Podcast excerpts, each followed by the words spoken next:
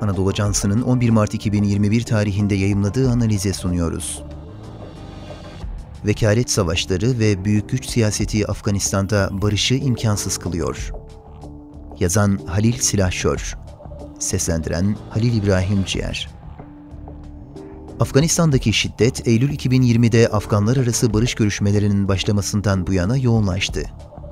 Katar'da Taliban'la Donald Trump yönetimi arasında geçen yıl imzalanan Doha Antlaşması ülkedeki şiddeti durduramadı.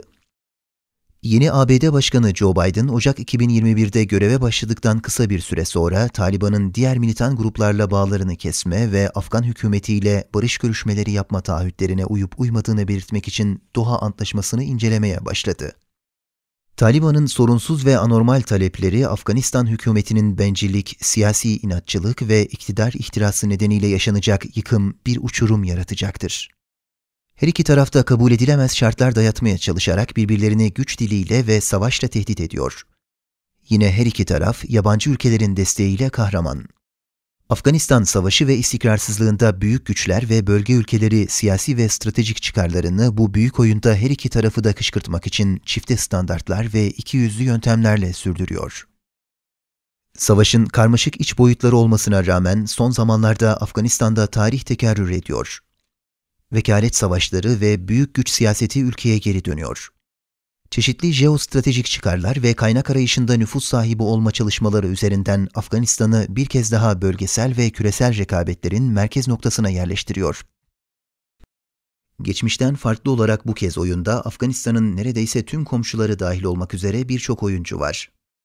Önde gelen oyuncularsa Pakistan, İran, Çin ve Hindistan. Bölgesel oyuncular aktif bir şekilde ABD Taliban barış antlaşmasını sabote etmeye çalışıyor. Yeni Delhi'ye göre Afganistan, Hindistan'ın oyun alanı haline geldi ve Taliban, Pakistan'ın çıkarlarına hizmet edebilecek tek güç. Nihayetinde Afgan barış sürecinin karmaşık bir bölgesel boyutu var. Aynı zamanda Taliban'ın ideolojik sisteminin vatandaşların haklarını savunan demokratik bir esneklikte olmadığı kanıtlandı ve Taliban'ın ayrımcılığa dayalı yeni bir sistem ihdas edeceğine dair endişeleri artırdı.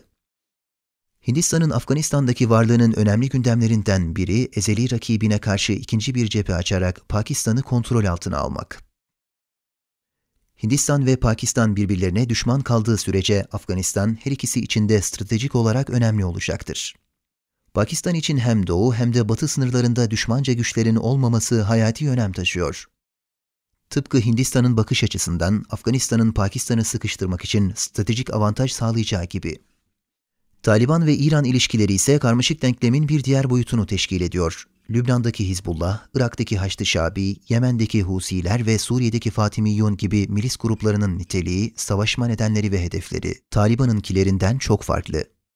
1979'daki devrimden bu yana İran doğudaki komşusunda faaliyet gösteren ve zaman içinde değişen bir dizi güçle uğraştı. Bazı noktalarda Şii savaşçıları harekete geçirdi, diğerlerinde Sunni Taliban militanlarıyla ittifak kurdu ve şu anda her ikisiyle de bağlarını sürdürüyor. Fayda, baskı ve ticaret yoluyla Kabil'deki ABD destekli hükümet üzerinde de etkiye sahip. Çin, Rusya, İran ve Pakistan gibi bölgedeki ülkeler Taliban'ın ABD ve NATO güçlerine karşı savaş ilan etmesi nedeniyle ve düşmanımızın düşmanı bizim dostumuzdur ilkesi mucibince Taliban'ı memnuniyetle karşılıyor. Yeni ABD yönetimi Rusya'yı kilit bir tehdit, Çin'i yükselen bir tehdit, İran'ı asi ve Pakistan'ı itaatkar bir paralı asker olarak görüyor. Bu ülkeler Taliban'ı ABD'yi sınırlarından uzakta uzun bir savaşa dahil etmesi için desteklemeye çalışıyor.